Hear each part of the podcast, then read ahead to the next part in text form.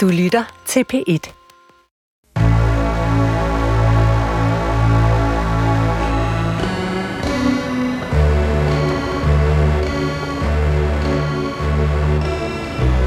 Du har ringet til Hemmeligheder på P1. Tak for din hemmelighed. Vi lover at passe godt på den. Min hemmelighed er, at jeg siger til min kæreste, at jeg tager p-piller, men jeg stoppede for to måneder siden.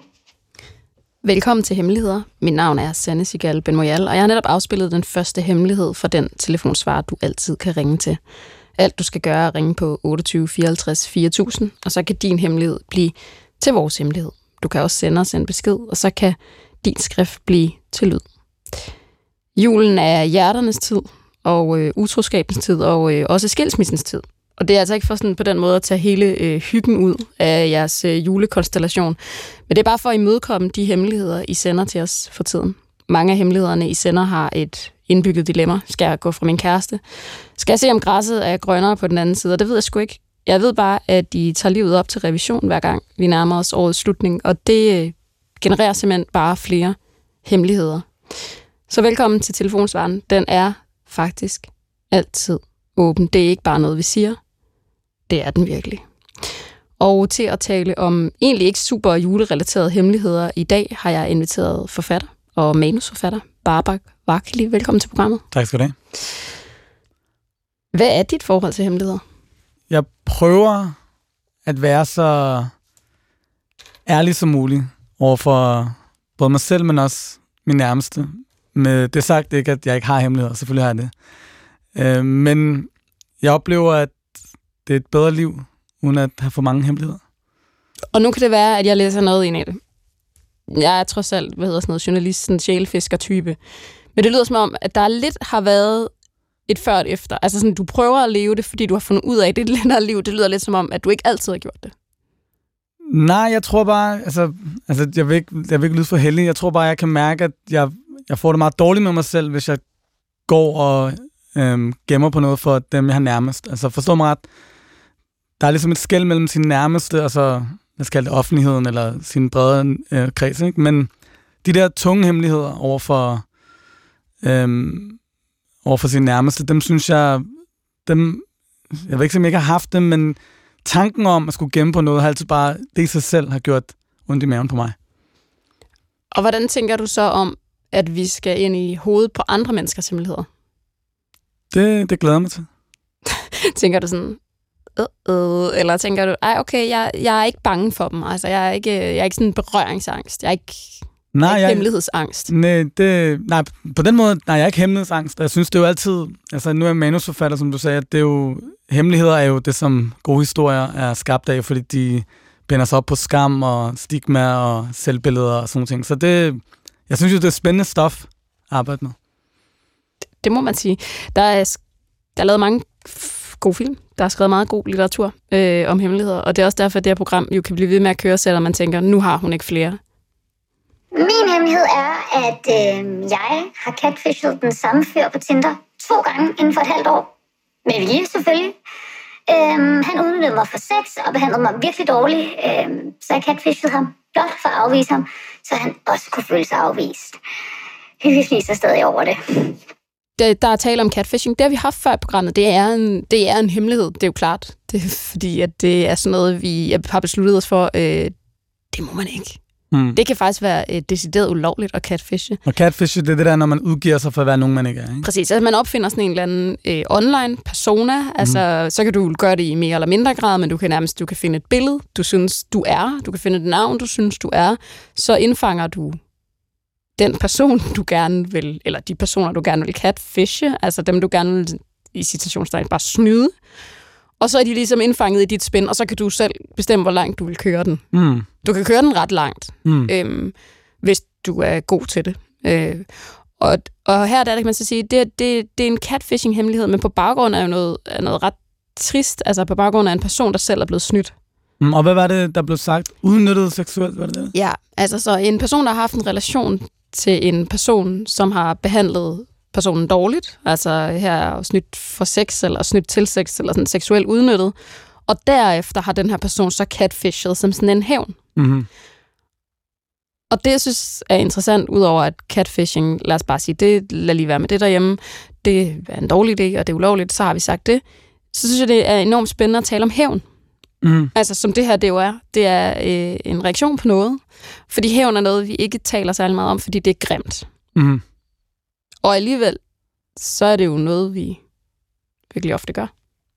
Ja, og altså lige i forhold til catfishing, jeg har, jeg har prøvet, jeg har faktisk selv prøvet at blive catfishet for, det er rigtig mange år siden. Det er dengang, man, der var noget, der netdating.dk. Der tror nærmest, der var inden MySpace og Ej, det er lang tid siden. Rigtig mange år siden. Ja. Men det er faktisk de skal forstå, at netdating dengang var et socialt medie. Det var ikke kun et sted, hvor man ligesom ledte efter romantik. Det var også bare et sted, hvor man Chattet. jeg har chattet. Men jeg var så øhm, altså online dated en pige, jeg kan ikke huske, hvad hun hed. Hun boede i Jylland et eller andet sted, og vi og så blev der sådan noget MSN, du ved, det er lidt mere private rum. Og, så, og vi tager det ret lang tid, og hun havde bare det der ene billede, og så fandt hun ligesom ud af, at så, eller så fandt jeg ud af, at det var en af hendes veninders billede, hun havde sendt til mig. Ikke? Og dengang var jeg jo selv, hvad var jeg, 14 år, man forelsker sig jo blindt i et billede, man fatter, ikke, man fatter ikke noget. Det er ikke, fordi det var sådan en dyb kærlighed. Men jeg synes faktisk, at det er lidt sådan... Altså, det gør jo lidt... I værste konsekvens går det ret ondt på den anden person, ikke? Fordi man ligesom tager personens virkelighed fra dem. Man, man fører dem bag lyset. Øhm, og i, så det er bare for at sige, det er jo ikke kun folk, der vil gøre folk ondt. Det er også nogle gange, nogle gange folk, der gør noget, som fordi de ikke kan stå ved sig selv, eller frygter, at et eller andet skal komme frem. Øhm, I forhold til det her med hævn, altså vi forstår alle sammen, altså afmagten, følelsen af afmagt og følelsen af bare vent. Jeg plejer, har, har et eksempel med bus nummer 39 på Nørrebro station, der engang som kørte forbi mig. Selvom du ved, du godt åbne døren, buschauffør. Det kunne du godt, men Ja. Du ved, han, han havde set dig. du havde set mig, Ja. og du står lige der. Du skal bare åbne døren. Bare fordi jeg, der er gået to meter fra busstopstedet. Og jeg kan huske, at jeg tænkte, bare vent Mm, en dag, mm. når det er mig, der er buschauffør. Jeg ved ikke, hvad jeg tænkte. Men den afmagt kan jo føde mange grimme både tanker og handlinger med sig. Øhm, men det, man skal spørge sig selv om, det er i forhold til personen, der har ringet ind. Får det, der, får det til at få det bedre? Er det, er det en løsning på den smerte, som du har oplevet? At du ved, at den anden person føler sig dum eller er såret? Øhm, jeg vil våge at påstå, at det nok ikke løser det i sidste ende. Øhm, så, og sådan er det jo ofte med hævn, ikke? Øhm, at man, i hvert fald når man prøver at raise the stakes, det ved jeg ikke nødvendigvis, som hun har gjort her, men man skal finde ud af, hvad er det egentlig, hvad er årsagen til, at jeg har behov for at ydmyge den her person. Og det er jo det, der er lidt særligt ved sådan catfishing hævn, det er jo, at personen kommer nok aldrig til at finde ud af, hvad det er, fordi hævn er jo fedest, når man siger, ha, der kan du se, brud for dig, du skulle ikke have gjort det mod mig. Ja. Men det bliver du nok ikke noget af i det her tilfælde. Måske. Nej, for så afslører man sig selv, og så er det jo ydmygende, og så er det jo Præcis. ikke længere end en hævn. Vi har jo sådan nogle hemmeligheder, som vi, som vi spiller her, hvor man også, vi kan komme til at spørge personen om, ja, som, som du sagde, sådan, føltes det godt? Altså, var det, var det det værd? Mm. Men det er sådan nogle hemmeligheder, som vi jo ikke kan spørge. Altså, vi kan ikke spørge den person, fordi man skal også bare have lov til at aflevere en hemmelighed hos os, og så er det bare det. Så lever man bare videre. Mm. Øhm, men så har vi også de hemmeligheder, hvor vi, øh, ja, hvor vi kan spørge en person om, om det meste. Og øh, sådan en hemmelighed skal vi have igennem, hvor jeg ligesom først øh, spiller hemmeligheden, og så har vi lytteren med på telefon. Spændende. Min hemmelighed er, at min kærestes misbrug er mere omfattende, end jeg har fortalt min nærmeste. Min kæreste går i behandling for sit alkoholmisbrug, hvilket jeg har talt meget med mine tætteste venner og familie om, for det er hårdt at være pårørende. Men min hemmelighed er, at jeg for nylig fandt ud af, at han ikke kun har et problem med alkohol, men også med kokain. Hans behandler har hele tiden kendt til stofmisbruget, men min kæreste holdt det skjult for mig, fordi han har været overbevist om, at jeg vil forlade ham, hvis han fortalte mig, at han også en gang imellem tager kokain alene, når han har det rigtig skidt. Jeg forlader ikke min kæreste, selvom det var et kæmpe chok, da jeg så ham liste ind i en bil for at købe stoffer. Han kæmper imod misbruget, og det går fremad. Han har heller ikke noget imod, at jeg fortæller min nærmeste, at hans misbrug også omfatter alkohol og kokain, hvis jeg har brug for det.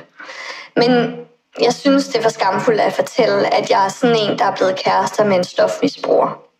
Det er som om, det bare er mere tabuiseret og uselt at være afhængig af stoffer end alkohol. Jeg er bange for, at folk vil blive alt for bekymret for mig, eller at de vil dømme mig og min kæreste for noget, de ikke har forstand på. Velkommen til programmet. Tak for det. Det er jo en, øh, ja, det er jo, det er jo en virkelig kompleks hemmelighed. Der er både hele det, det med, at du opdager, at din, din kæreste står et andet sted, end du troede, og så er der hele det der med blikket udefra på dig og på ham og på jer.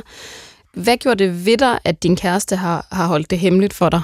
Det, der mest i rammer mig, det, det er det her med, at okay, jeg, kan, jeg skal til at stole noget mere på min intuition. Fordi det skal siges, at jeg har haft mange, hvad jeg troede var paranoide tanker omkring min kæreste og misbruget, altså alkoholmisbruget, da jeg opdagede det i sin tid. Da jeg så opdager, at det faktisk er værre end hvad jeg vidst. Og det var noget, han havde forsikrede mig om, ikke var tilfældet.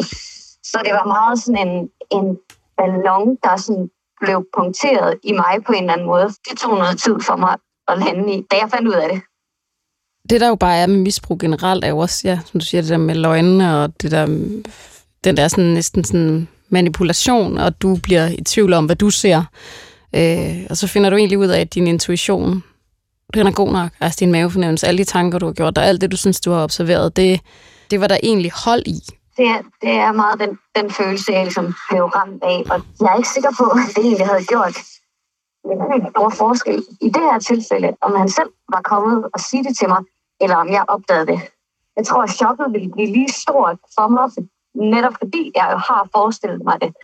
Lige det her med kokainen, der var det som om, jeg havde sådan lidt en følelse af, at det kan jeg faktisk godt forstå, du ikke har kunne sige. Nu var det jo dig, der opdagede ham. Mm. Øhm, du fangede ham ligesom på færre skærning. Tror du på ham helt inde i hjertet, når han siger, jeg har tænkt mig at sige det til dig? Eller tror du bare, han ville have fortsat så langt, som han kunne? Jeg tror faktisk aldrig, at han ville have sagt det. Men jeg tror omvendt, at det var et spørgsmål om tid, inden jeg opdagede det. Jeg tror på en eller anden måde, og det var faktisk også en ting, han selv sagde, fordi jeg også sådan, altså var du ikke bange for, at jeg opdagede det? Fordi det var en højlys eftermiddag. Det var lige ude foran vores vindue, at han var nede i den der bil og købte stofferne den dag. Og der siger han jo selv, at nogle gange så tror han jo, at han har et ubevidst ønske om at blive opdaget. Og det må man jo sige, at det kan der jo i hvert fald godt være noget om. Øhm, uden at jeg skal, jeg er jo ikke øh, hverken øh, stofekspert eller kender jeres forhold, og jeg skal også passe på, at jeg ikke bliver sådan en sådan bedrevidende i den forstand, men jeg tror, det er sådan min egen erfaring med misbrug, og jeg har ikke sådan nødvendigvis noget, det skal man aldrig gøre, man må ikke drikke det der. Men det er jo, at når, det, når der taler om misbrug, så er det jo ofte ud af hænderne, ofte ud af folks egne hænder. Og det, der kan være så destruktivt ved det, det er jo, at det, som man misbruger, om det er stoffer, eller om det er øh, sex, eller hvad det nu er, det vejer tungere end ens relationer, fordi det går ind og udfylder en eller anden form for behov, som man ikke får tilfredsstillet, og det er ikke nødvendigvis, altså det kan være et psykisk ar, der ligger tilbage, ikke? Men det, som du også spørger om, det er jo i virkeligheden det her med, skal du sige det til folk? For det er jo din hemmelighed, at han har haft en hemmelighed. Mm, øhm, og man kan, yeah. man kan spørge sig selv, eller samme grund til, at han ikke vil sige det til dig, er jo lidt den samme grund, som du ikke vil sige det til folk omkring jer. Det, jeg har ikke tænkt på det så øh, en til en, men, men det vil jeg egentlig umiddelbart svare ja til. Altså sådan, jeg kan jo, jeg er jo bange for altså folks syn på mig og folks dom, om folk vender mig ryggen. Mm. Det, det lyder som om, du var meget sådan klart indstillet på, og det er ikke et ledende spørgsmål, men hvilke ting, mm. der, går, der, stiller, der er sådan baggrund for, at du ikke, eller du vil stå, stå sammen med ham og være sammen med ham, på trods af øh, den brudte tillid og hans misbrug, som du selv ikke helt ved, hvordan du skal håndtere udadtil? Mm. Mm, jeg tror øh, hele vejen igennem, og også altså helt tilbage til det, jeg opdagede altså alkoholmisbruget, der har min kæreste været altså, fuldstændig indstillet på at skulle i behandling. Og altså sådan, jeg føler, at jeg kan mærke hvad skal sige, hans smerte. Jeg kan, sådan, jeg, kan, jeg kan forstå, at misbruget, det er ikke noget, han har lyst til skal være en del af ham og skal altså, styre ham på den måde, som det jo gør. Så klart, hvis jeg havde en kæreste, som skulle bruge enormt lang tid på at erkende, at det overhovedet var et problem, så var det en helt anden situation. Men, men det er ikke tilfældet.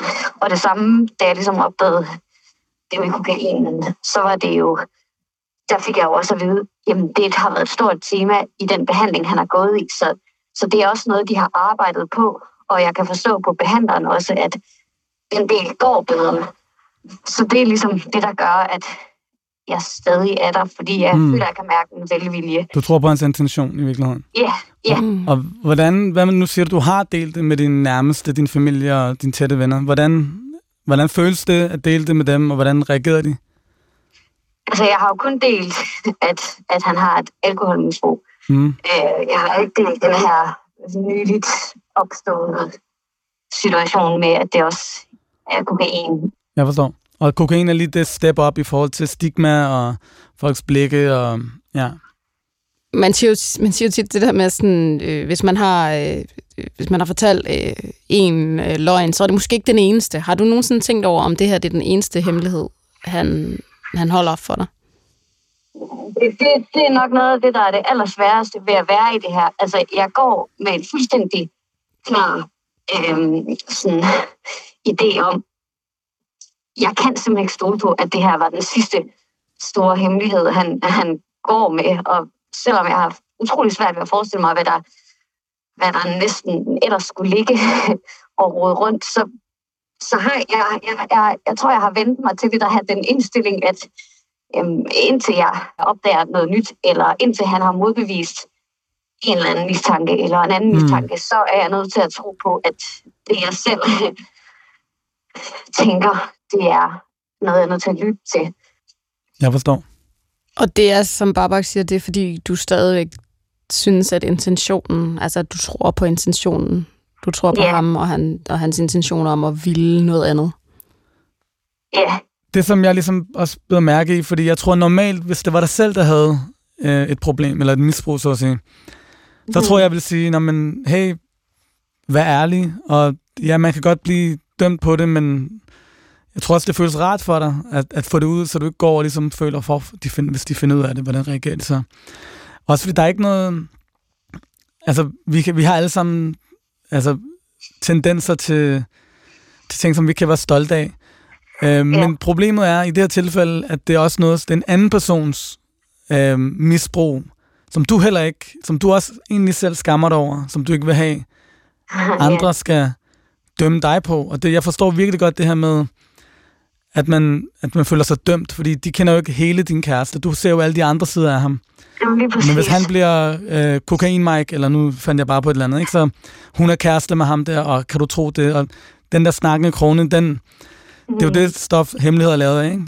Fordi man har lyst, man har, ikke, man har lyst til bare at gå under radaren der, så det forstår jeg virkelig godt. Mm.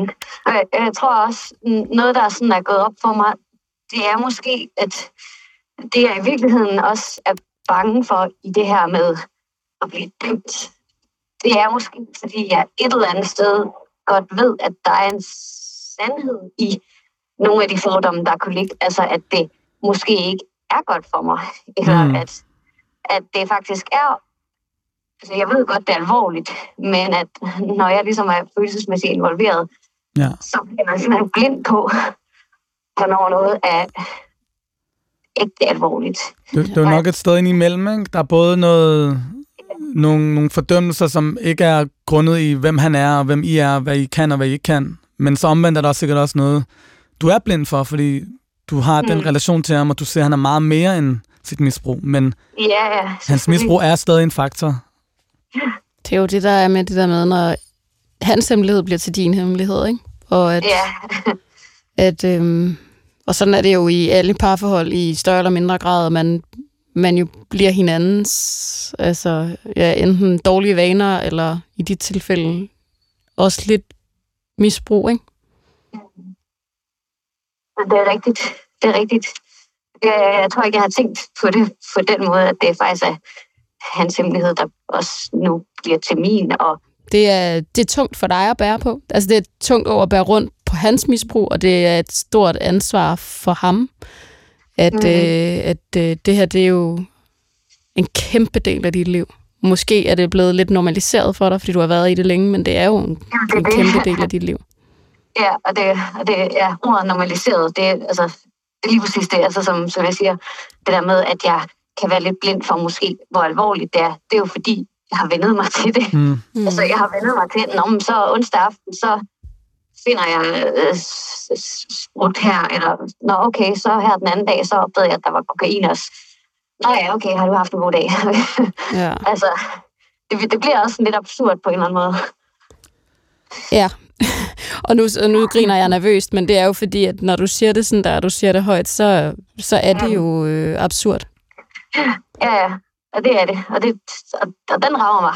Så kan jeg stå der i, i min hverdag og sådan lige komme i tanke om, Nå ja, hvad skal jeg i aften? Åh oh, ja, vi skal hjem og snakke om det her problem. Eller, mm. Nå, mig, jeg skal i misbrugscenter i morgen. Og ja, Nu ved jeg godt, du ikke, du har ikke ringet ind for at få et øh, råd i den, i, Mm. i den forstand, men, men jeg, jeg håber bare, det du taler med os nu, at det ligesom, at det gør noget for dig.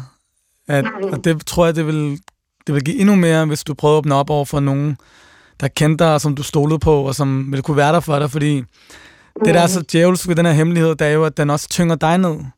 Men du har ikke nogen at snakke med om det.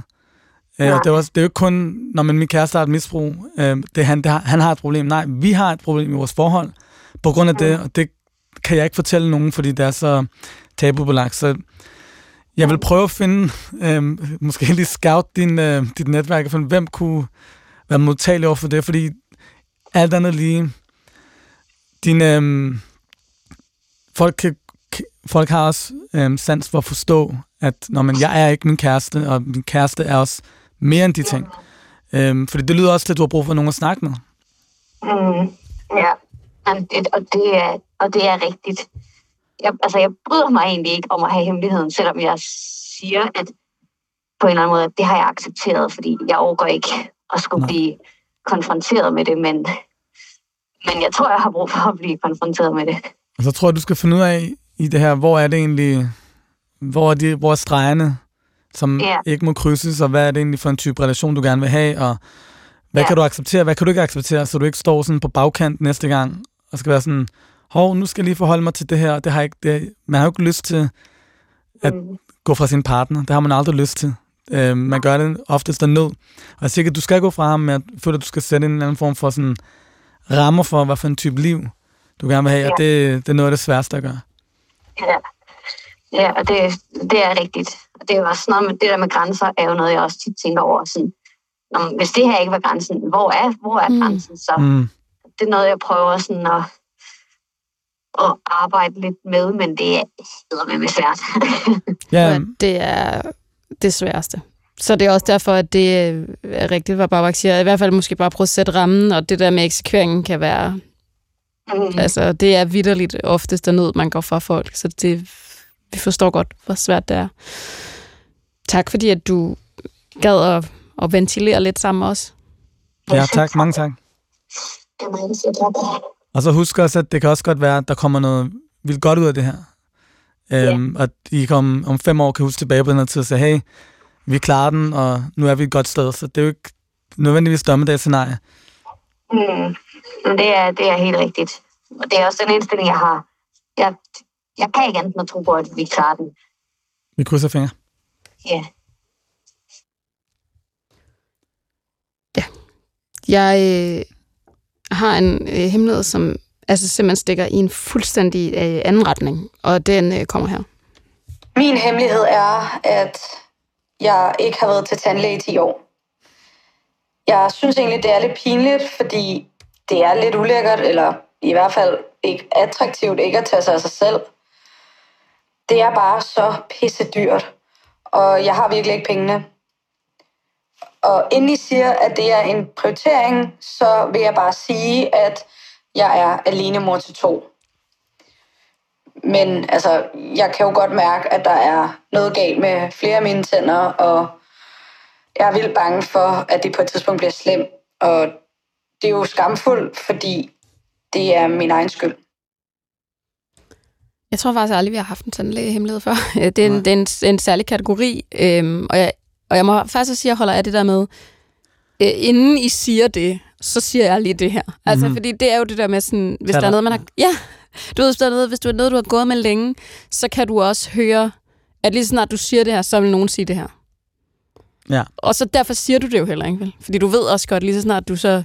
Nu sagde du faktisk noget meget smukt i den anden hemmelighed. Det der med, prøv lige at scout, altså scoute i din vennekreds. Altså det der med, hvem kan du sige ting Mm. mm. til? Fordi at det kan godt være, at det ikke var sådan, du mente det, men der er jo, der er jo det der med, sådan, der er nogen, der er mere modtagelige altså over for øh, hemmeligheder end andre. Altså, og emner, ikke? Jo. Øhm, I forhold til det her, jeg har jo øhm, mange ting at sige til det her tandlæge, den her tandlægehemmelighed. For det første, jeg gik heller ikke til tandlæge i 10 år, fra jeg var... Hvornår var det, man ryger ud af folkeskolesystemet? Eller Jeg tror 18. 18 år, til jeg var ja, næsten 10 år senere. Og det var ikke, det var ikke et pengespørgsmål, det var bare sådan en... Øh, bare sådan en... Jeg er midt 20'er mand, Ja, quick. tager sig ikke sammen, Nej. passer ikke på sig selv. Nej. Øhm, så gjorde det så, jeg, har- jeg har haft rigtig gode tænder, skulle jeg så sige. Så Hvilket ved- jo er meget heldigt. Det er Ja. også noget med genetik og spytter og sådan noget, ja. men det er så, ikke kun, hvor meget sodavand drikker du. Jeg skulle så hilse at sige, at jeg, jeg havde sådan øh, et, et hul for første gang i mit liv, der så, og det var et stort chok for mig. øhm, det, som er i kernen af det her, det er jo ikke så meget... Jeg har, faktisk, jeg har også været den person, der for nylig faktisk har sagt til min ven, som hedder tandpine, og som ikke gik til tandlægen på grund af pengeproblemer. Hvor jeg sagde til ham, nu tager du dig sammen, og nu låner du nogle penge af en eller anden ven, fordi det der, det er, det er, din, det er, din, vel, det er din fysiske sundhed. Men det hun så går sin i møde omkring, det er, at min ven er en person, der har et stort netværk, hvor han sagtens vil kunne øh, låne penge, og samtidig betale dem tilbage hurtigt. Han er freelancer, ikke? Du ved, så penge kommer, penge går. Men det er ikke hendes situation, kan jeg høre. Og det taler jo ind i noget, der hedder øh, ulighed i velfærden, eller ulighed i sundhed, som den værste form for ulighed i virkeligheden. Øhm, jeg skal være ærlig og sige, at jeg har ikke selv så meget erfaring med det der med øhm, ikke at have råd til the necessities på den måde. Men jeg tror, jeg på samme måde som hende vil have svært ved at sige det, fordi det er en eller anden form for nederlag. Og jeg tror også, at jeg, jeg vil gøre det ligesom hende. Jeg vil undlade at passe på mig selv, faktisk. Jeg tror, jeg vil, hvis jeg har to børn, så vil jeg ligesom skubbe dem først, og så sige, Nå, men så må jeg spise nogle færdige kriser eller noget andet. Og jeg tænker også, at nu stod jeg faktisk lige nede ved Debatten, redaktionen, lige inden jeg gik op og lavede det her program, hvor de skulle tale om et eller andet. Hvor det, det de altid taler om. Finansloven, eller lønloft, eller lønfest, eller hvad hedder sådan noget. Et eller andet med penge, og øh, hvordan man fordeler dem i det her samfund.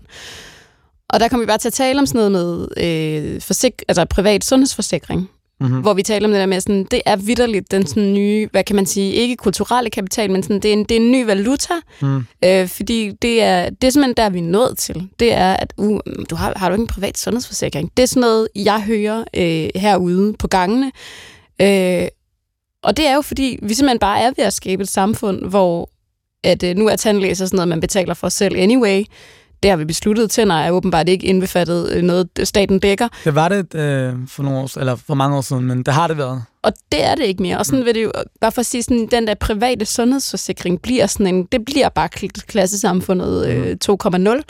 Øh, og, og der vil der jo være nogen, der bare øh, ikke har råd til det. Mm. Og det, øh, altså lige præcis med tænder, som du siger, altså, det er sådan, det er jo noget, man kan se, altså når du kigger på folks tænder, altså, jeg ved ikke, der var en gang, hvor man kiggede, har du lus og gode tænder, agtigt, ikke? Eller sådan Mm. mm. sunde negle. Altså, tænder er helt vildt øh, vigtigt for, sådan, altså for sundheden, og for, også for en mental sundhed, og den der følelse af at kunne tage, tage sig af sig selv. Altså, jeg, jeg passer på mig selv. Jeg er sådan en, der passer på mig selv. Her er der bare et menneske, der ikke har råd til at passe på sig selv. Og det er klart, at så kan vi jo sige, om alt er en prioritering og sådan noget. Øh, ja, for nogen.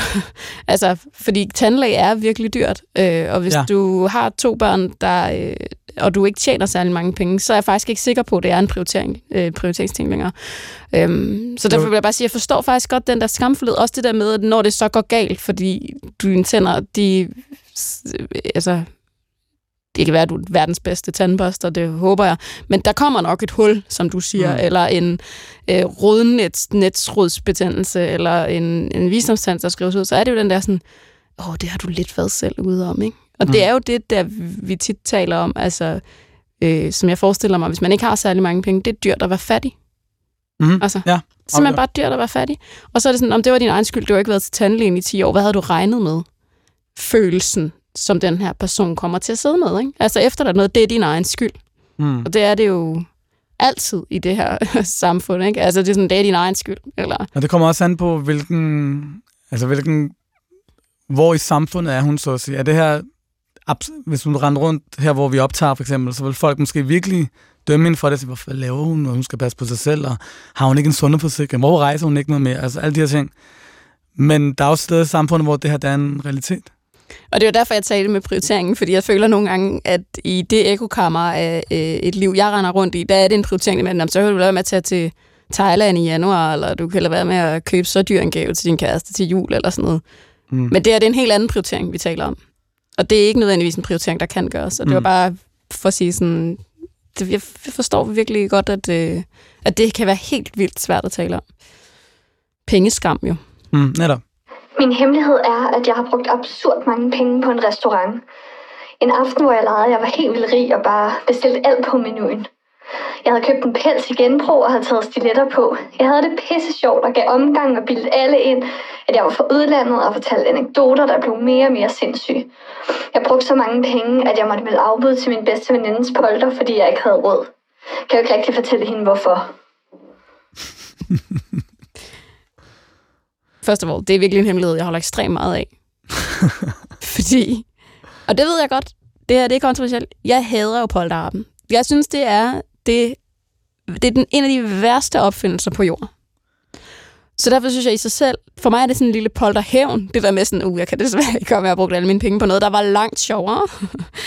Men jeg kan godt se, ja, ja det, er sådan, det er sådan en helt scene, ikke? Altså, Så hvad hemmeligheden er ikke så meget det, personen har gjort, Nej. men det er, at personen ikke kan dukke op til polterappen. Ja. Okay, fordi jeg sad kun og tænkte på det første, sådan, tænk, det lyder fedt. Ja, fordi jeg så og tænkt, hvem... Altså, alle afhængig af, hvem personen er, så er det enten tragisk, eller så er det vildt grineren. Hvis det er en person, der er sådan... Ja, så er personen broke nu, men du ved, til kom sommer, så er vi back on track. Eller er det ligesom min arv fra min afdøde mor, jeg ligesom har brugt på det her, og nu har jeg ingenting tilbage. Øhm, jeg synes, det lyder som sådan et alter ego, der kommer i spil en gang imellem. Det lyder jamen, ikke som om det er første gang, man gør det, når man har været nede og købe en pels i genbrug og et par stiletter. Jeg tænker sådan, det her, det er sådan noget, man gør en gang imellem, når man lige synes, der er overskud på kontoen.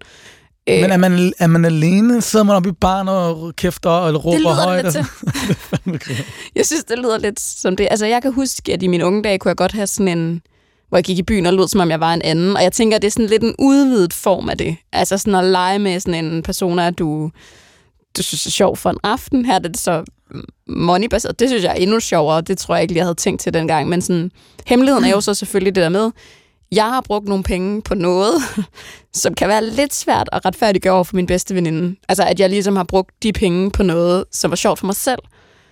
Ja, og det, det, det er den bedste veninde. Det er ikke sådan noget, du er ikke nummer 17 på en eller anden messenger-tråd. Ja, okay.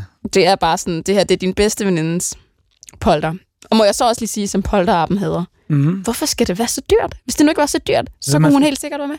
Så fordi vi skal ud og køre go-kart, jo. Det koster bare Jeg vil sige, jeg er heller ikke, jeg vil sige, jeg er ret stor fan af polterap, men ikke... Spændende. Ikke, nej, fan i den forstand, at det er, det er en dag, hvor det er sjældent, man har en hel dag sammen med sine venner.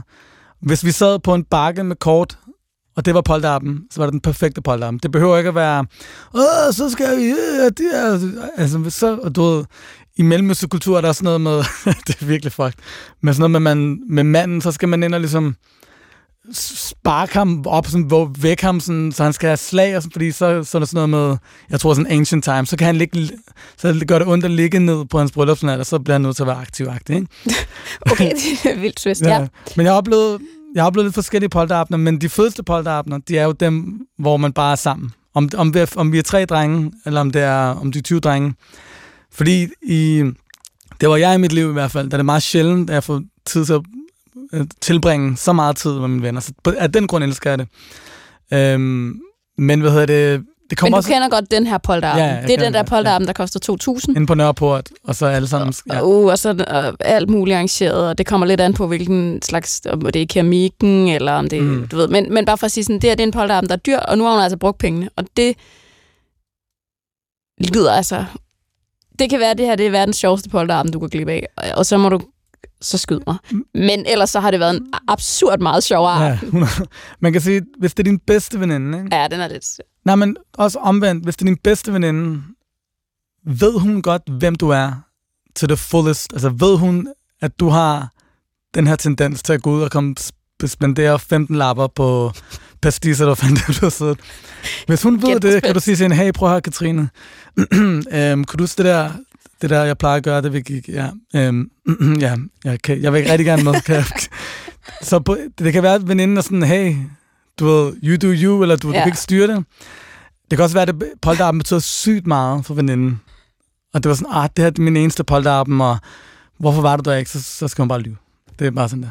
Men du har faktisk ret. Altså, det er faktisk måske en familieomstændighed, at det er den bedste ven. For vi har jo alle sammen sådan noget, hvor man er sådan, hvor man er nødt til at ringe, hey Katrine, jeg sagde, jeg var på vej, ikke? men jeg, jeg, øh, jeg skulle lige gå ud af døren. Altså den der, hvor man godt ved, hvis du er venner med mig, så ved du også, at det her, det sker. Øh, det er min ting.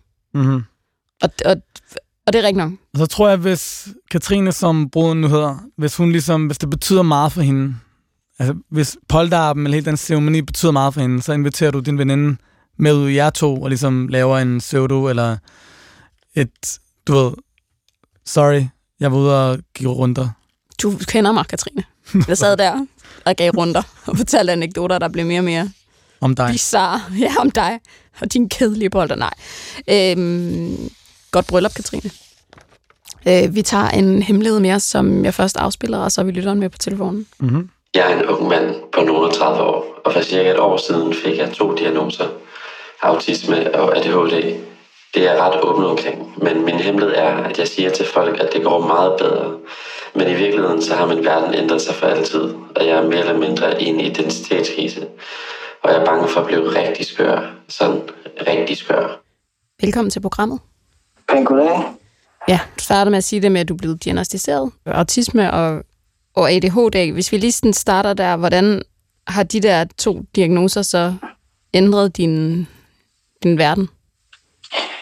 Altså jeg vil sige det på den måde, at det er ligesom sådan en hemmelighed, sådan, som uh, nu ved jeg det om mig selv. Altså så nu er ånden ude af flasken på en måde.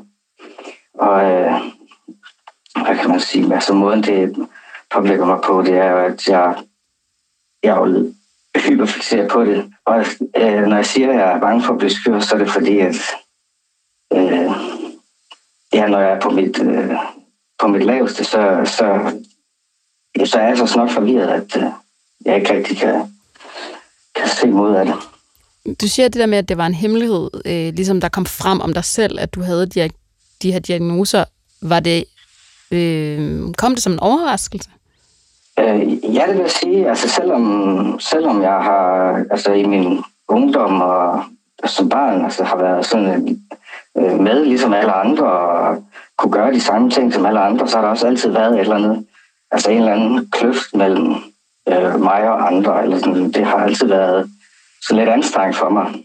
Og så øh, ja, i forbindelse med coronatiden, hvor vi var meget isoleret og sådan noget, så, så fik jeg det meget, meget skidt. Så måtte jeg jo søge hjælp, jo. Og så fik jeg jo så efter ja, et år af det, så fik jeg jo de diagnoser. Og nu siger du så det der med, at øh, du, du nævnte det der med, og jeg kan næsten ikke nogen dage finde ud af, om jeg er altså sådan ved at blive skør, eller sådan... Hvad ligger der ja, i det? det? Altså, jeg er jo blevet tvunget til sådan ligesom at se mig selv og min fortid på en helt anden måde nu. Altså, et helt andet blik på mig selv. Og det, det er noget, de, langt de, altså de færreste kan relatere til. Og det bliver utroligt svært at tale med andre om det, fordi i det øjeblik, jeg taler om det, så bliver det sådan, øh, nej, nej, du, øh, du, skal, du må ændre dit perspektiv, så sådan skal du ikke tænke. Men det er jo sådan, jeg tænker noget, jeg ikke helt forstod. Ved folk omkring dig godt, at du blev diagnostiseret? Altså, ja, jeg har, altså, der er visse folk, jeg, altså, du ved, folk, jeg har tillid til, den deler jeg det med. Men jeg går ligesom ikke ind i det. Altså, ved, når, når, de, når de spørger mig, hey, hvordan var din weekend? Så kan, jeg, så kan de sige, ja, men øh, jeg, var, øh, jeg var ude, og det hyggede mig og sådan noget. Og så siger jeg også, at jeg hyggede mig bare, men altså, i virkeligheden, så øh, gik jeg rundt i min lejlighed og kunne ikke sove, og, fordi at jeg altså, det, det, på en eller anden måde. Så, så, øhm, så det din hemmelighed i virkeligheden er, det er, at du har det vildt dårligt, men du kan ikke få noget at dele det, eller du har ikke lyst til at dele det med nogen? Nej, det er mere det der med at gå og lide stillhed, og så... Øh,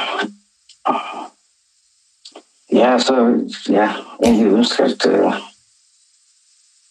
ja, at jeg havde et sprog, og at jeg ligesom kunne tale med andre, at de ligesom også havde det samme sprog. Er der noget opdragelsesmæssigt i det, kan man sige? Altså, at du siger, at du ville ønske, du havde et sprog for det. Hvordan er du ligesom opdraget til at tale om dine følelser? Øhm, stort set ikke jo.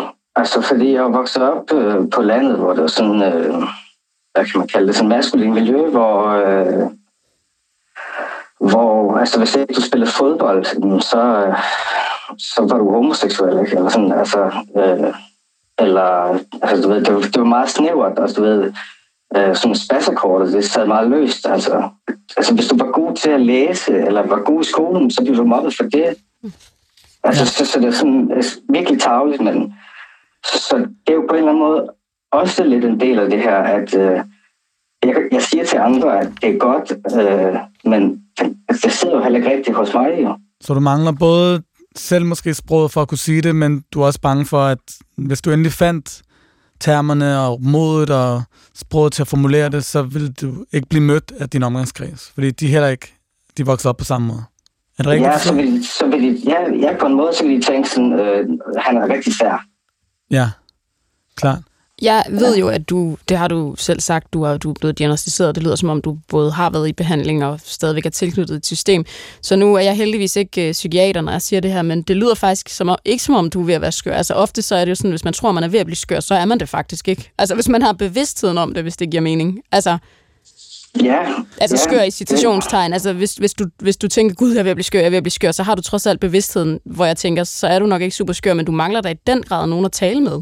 Altså, som kan tale om følelser, og kan tale om at blive lukket ind i det der rum. Altså, fordi hvis man ikke har det, så bliver alle jo i citationstegn skøre. Altså, så er det jo sådan en trykkoger, hvor man ikke, hvor man ikke har nogen ventil. Altså. Ja, så er man totalt isoleret. Det kan jeg godt se.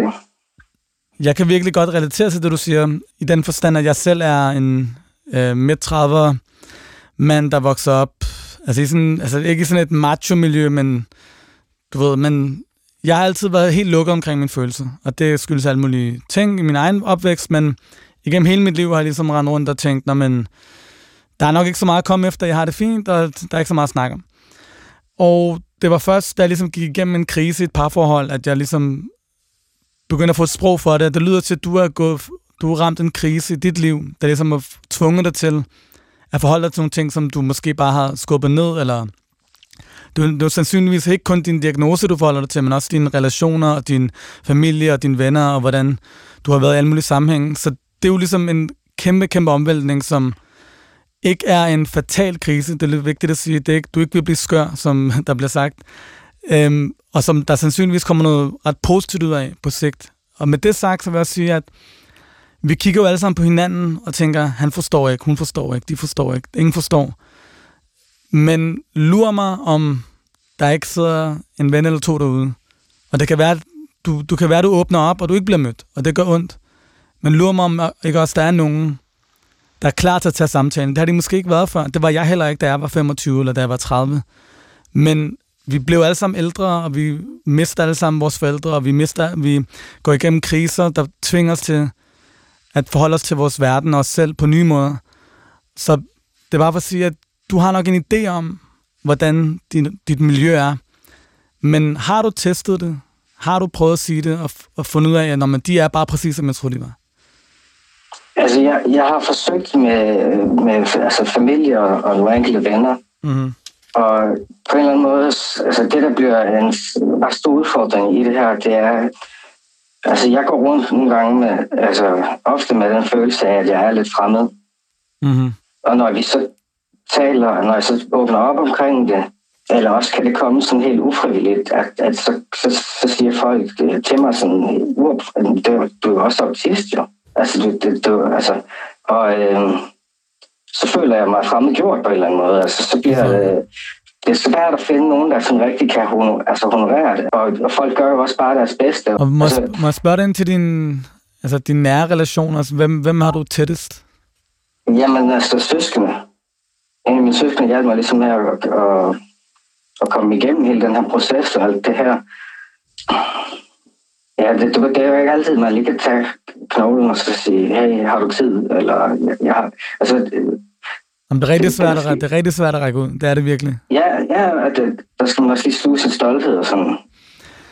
Har du prøvet at ligesom tage en, jeg vil ikke sige en metasnak, men prøve at forklare, og det går godt, jeg forstår godt, nu lyder det meget sådan girafsprog, det jeg ligesom skal til at sige, sådan, jeg føler, og du føler, og sådan og sådan og sådan, og det er ikke alle, der kan forstå det, men har du prøvet at sige, hvordan du oplever at være i rummet med, med de mennesker? Altså det vil sige ikke kun sige, jeg har det svært i mit liv, og så sige det, Nå, men du har også nogle diagnoser, det er normalt, men sige, hey, jeg oplever, at når jeg har brug for hjælp, så bliver jeg lige pludselig affaret med, at jeg har en diagnose, og det gør faktisk, at jeg føler mig isoleret, og jeg føler mig alene. Hvad vil der ske, hvis du sagde det, tror du? Det har jeg faktisk forsøgt. Jeg har prøvet at sige det på en, på en god måde, og jeg har også sådan, øh, altså, søgt hjælp på nettet, eller sådan, du ved, fordi det er, øh, der er alligevel folk, man kan relatere til, eller sådan, der, der er forumer, hvor man ligesom kan, kan læse og skrive og dele erfaringer. Ikke? Men altså, og, og jeg har forsøgt at sige til min, min bror, at øh, det her med, at altså, jeg har det som om, at på den ene side, så bliver jeg behandlet som en, en, en voksen, en ligeværdig. Mm. Og på den anden side, så bliver jeg behandlet som et barn. Altså, de, de, de benægter det ikke. Altså, det er i orden, at øh, min virkelighed er unik, og den er anderledes end deres, og, og på den måde kan, kan jeg godt være til sammen med dem. For det første, så tror jeg, jeg tror ikke, du skal give op på din, dit netværk, fordi jeg tror ikke, mennesker, det kan godt være, at du siger noget, og som lige umiddelbart ikke, at de ikke, det er ikke lige sådan, bum, så ændrer de sig. Men de kan godt, mennesker kan godt ændre sig. De er, det er de færreste mennesker, som er statuer, der bare sidder fast. Men med det sagt, så forstår jeg godt, at det er, det er, op, det er opslidende, og det kræver mod hver gang, at blot sig selv, og som du siger, sluge sin stolthed, og gå nogen i møde og sige, hey, jeg har det sgu ikke så godt. Så det som det første, jeg ligesom tænkte, da du, da du ringede ind, det var, at det lyder også til, nu nævner du selv nogle online fora og sådan nogle ting, men det lyder til, at du skal prøve at finde, opsøge nogle fællesskaber, der ligesom har fokus på det her. Fordi det, det lyder til, at du har en identitetskrise, overgang, i forhold til, hey, hvem er det egentlig, jeg er? Hvordan er jeg? Du skal have brugt nogle nye ord til at forstå dig selv. Og ved du hvad, der er så mange mennesker derude, der bare ikke lige bor lige ved siden af dig, nødvendigvis, som har det sådan. Og hvem ved, måske er de også ved siden af dig. Men jeg tror, du vil have rigtig godt af. Prøv at tænke, hvis, vi, hvis jeg sagde, jeg har prøvet præcis det samme som dig lige nu. Hvis jeg havde sagt det, hvilken følelse det ville give dig i forhold til Gud. Der ville være så meget, du ikke behøvede at forklare. Præcis. Der ville være så mange forbehold, du ikke behøvede at tage. Der ville være så mange disclaimers, der ikke skulle laves. Eller sådan, altså jeg tænker, hvad var bare bare også, altså sådan, ja, jeg håber virkelig, du kan finde nogen derude, som netop bare, uden at du, når du har sagt to ord nærmest, når du starter en sætning, sådan, ej, det her, altså, jeg har det på præcis samme måde. Og hvis der er noget, jeg ved efter at have lavet hemmeligheder i to år, så er det, at man er aldrig alene. Der er nogen, der har det på præcis samme måde som dig. Du skal, du skal bare finde dem. Lige her til sidst, hvem vil du ønske, du havde haft den her samtale med, eller hvem vil du ønske lyttede til den her samtale? Nok min nærmeste, altså. Ja, fordi jeg jo ikke øh, har modet, eller ligesom kan... Øh, selvom jeg siger, at jeg er åben, så kan jeg jo ikke være helt åben og ærlig omkring det. På en eller anden måde, så håber jeg, at øh, nogens nærmeste lytter. Hvis ikke din, så måske nogle andre, der er nærmest til nogen, der har det på samme måde. Tak fordi, at du øh, delte det med os. Mange tak. Ja, ja selv tak. Vi tager programmets sidste hemmelighed, inden mm. at du øh, fortæller også en hemmelighed. Min hemmelighed er, at jeg det seneste år er blevet rigtig gode venner med en fyr, men at jeg fra dag et havde følelser for ham og har undertrykt det. Jeg, jeg er i en vennegruppe, hvor øh, han er, og ham og to andre piger, og de har begge været vilde med ham. Og jeg har altså sagt, at jeg har aldrig tænkt over det, men sandheden er, at jeg fra dag et har syntes, at han er et meget fint og smukt menneske. Og jeg er lidt småforelsket i ham, og har været det i lang tid. Og han har også vist tegn på at kunne lide mig. Men vi har aldrig brudt det, fordi vi har været usikre, og nu tør jeg ikke gøre noget, fordi han ser lidt en anden, men også på sådan en måde, hvor han siger, at han ikke er forelsket i hende, og han godt kunne noget med nogle andre. Ja, det var min hemmelighed. Den hemmelighed føler jeg, er alles øh, teenageår opsummeret på en måde. Eller ikke nødvendigvis kun teen, men også sådan 20'erne, altså op igennem 30'erne. Altså hele den her sådan, der er den her fyr, det kunne også være en kvinde, whatever, øh, hvad man er, som er lidt sådan center of attention i en eller anden vengruppe, og alle har lidt været forelsket i den her person, og nu er øh, den tid nået til en selv. Og jeg bliver ret glad, da der blev sagt, jeg tror, det blev sagt, at han er et fint, og jeg synes, han er et fint og et smukt menneske. Mm-hmm. Fordi det gjorde mig trods alt mere rolig. Det er ikke the hunk. Præcis. Eller det kan også være, at han har måske det hele. Tillykke til ham. Men sådan, det var sådan en følelse af, fordi man godt ved, man kender godt den der person, som er den person, som alle vil have. Øh, og nogle gange så er det egentlig også bare det, at alle vil have den person, at der gør det attraktivt. Så derfor var jeg enormt lettet, da jeg hørte det. Det var et smukt og et fint menneske. Hvad end det er, så lyder det dejligt, tænkte jeg. Det gjorde det sådan, okay, måske er der alligevel noget med den her relation, som ikke bare er besættelsen, eller sådan længslen efter den her relation. Altså det første, jeg skrev, det var bare, he knows. He knows? jeg er sikker på, at han ved det. Især, især altså det, det skrev jeg før. Hun, altså, at nærmest var... Hun, før hun begyndte at sige, Nå, men han har også lidt, og, hun, og der har været nogle blikke, og måske han også lidt med mig, men han vil ikke helt hende den anden. Og... Jamen, hvad gør man så, når he knows? Altså, det er jo det, der... Jamen, ja. altså, hvad er det værste, der kan ske? Det, det, det er det andet, jeg skrev. Hvad er det værste, der kan ske? Du kan blive til grin. Jeg har lyst til næsten at tage sådan et, et screenshot af dine noter, fordi det er næsten sådan poetisk. He knows.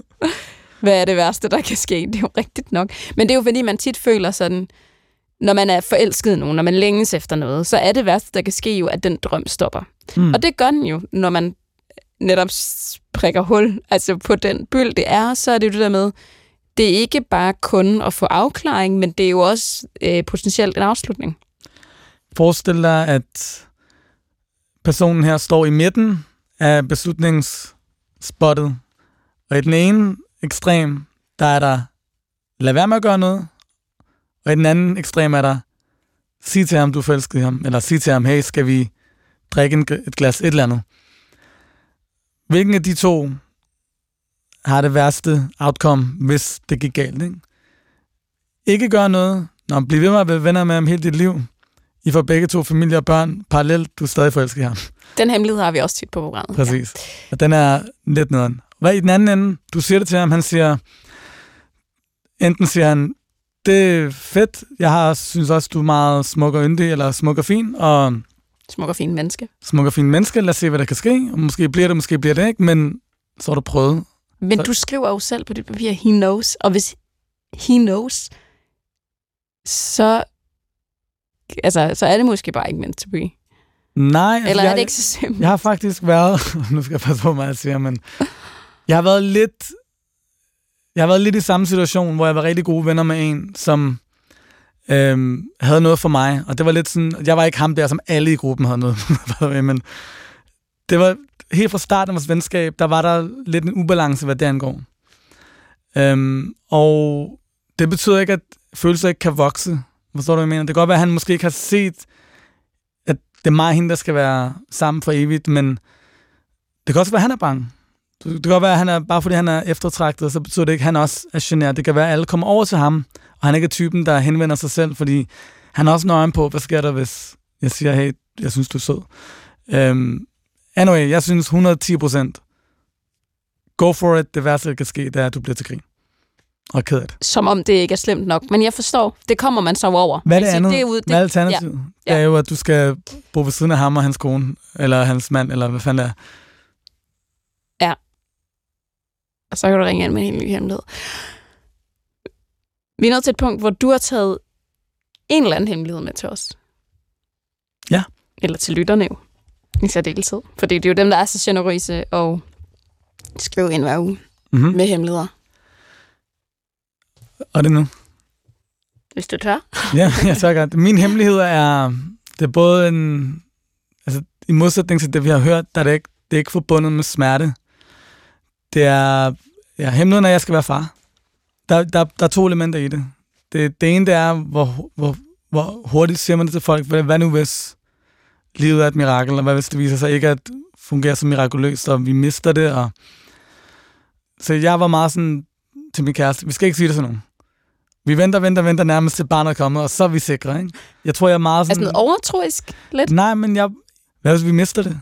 Og så skal jeg, så skal, nu har jeg sagt det i radioen, nu skal jeg rundt og sige det til... Der kommer folk over og siger, hey, tillykke med, tillykke med. Øh, men jeg havde en samtale med en ven for ikke så længe siden, som fortalte mig, at han, de har lige mistet. Og han sagde ligesom, når min generation er sådan en, der ikke vil sige sådan noget. Der er også noget med bare at være ærlig omkring det, fordi det er ekstremt normalt. Øhm, og det er, noget, det er en smerte, som ekstremt mange går igennem. Så heller ikke at skamme sig over det. Så, har, så er der også en anden ting, som øh, en snak, jeg har haft med min kæreste, sådan, hvor offentlig man er med, med sådan noget. Hvor jeg tror, jeg... Nu så så i, i radioen og siger det, men jeg tror, jeg kommer til at være meget sådan privat med det på en eller anden grund. En eller anden grund.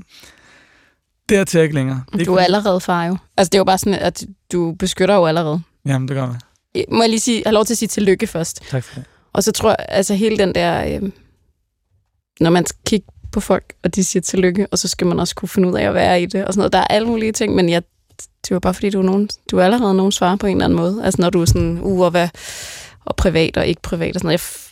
Jeg, det forstår jeg fuldstændig. Men øhm, det er jo en glædelig nyhed, men som jo kommer fra lige når man finder ud af, at man skal være forældre, til man bliver det. Bare også ekstremt komplekst. Ja, ja, totalt. Du, det der er med det, når noget er så, så lykkeligt, forbundet med så meget lykke, så undersiden af det er jo Stor sorg. præcis. Og det, med, det er den, man ligesom hele tiden kigger ind i. Sådan, Ja. tør jeg ligesom at håbe på den her kæmpe lykke, fordi jeg ved, jeg kan blive uendelig ked af det på den anden side. Ja, og der opsummerer du øh, hele forældreskabet, og øh, tillykke med det. Øhm, og tak fordi, at du delte din hemmelighed. Og tak fordi, du var med til at lytte til alle lytternes hemmeligheder. Tak fordi jeg måtte være med. Og tak fordi I så trofast lytter med derude.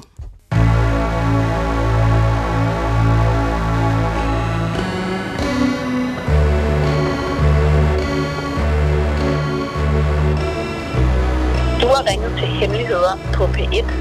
Tak for din hemmelighed. Vi lover at passe godt på den.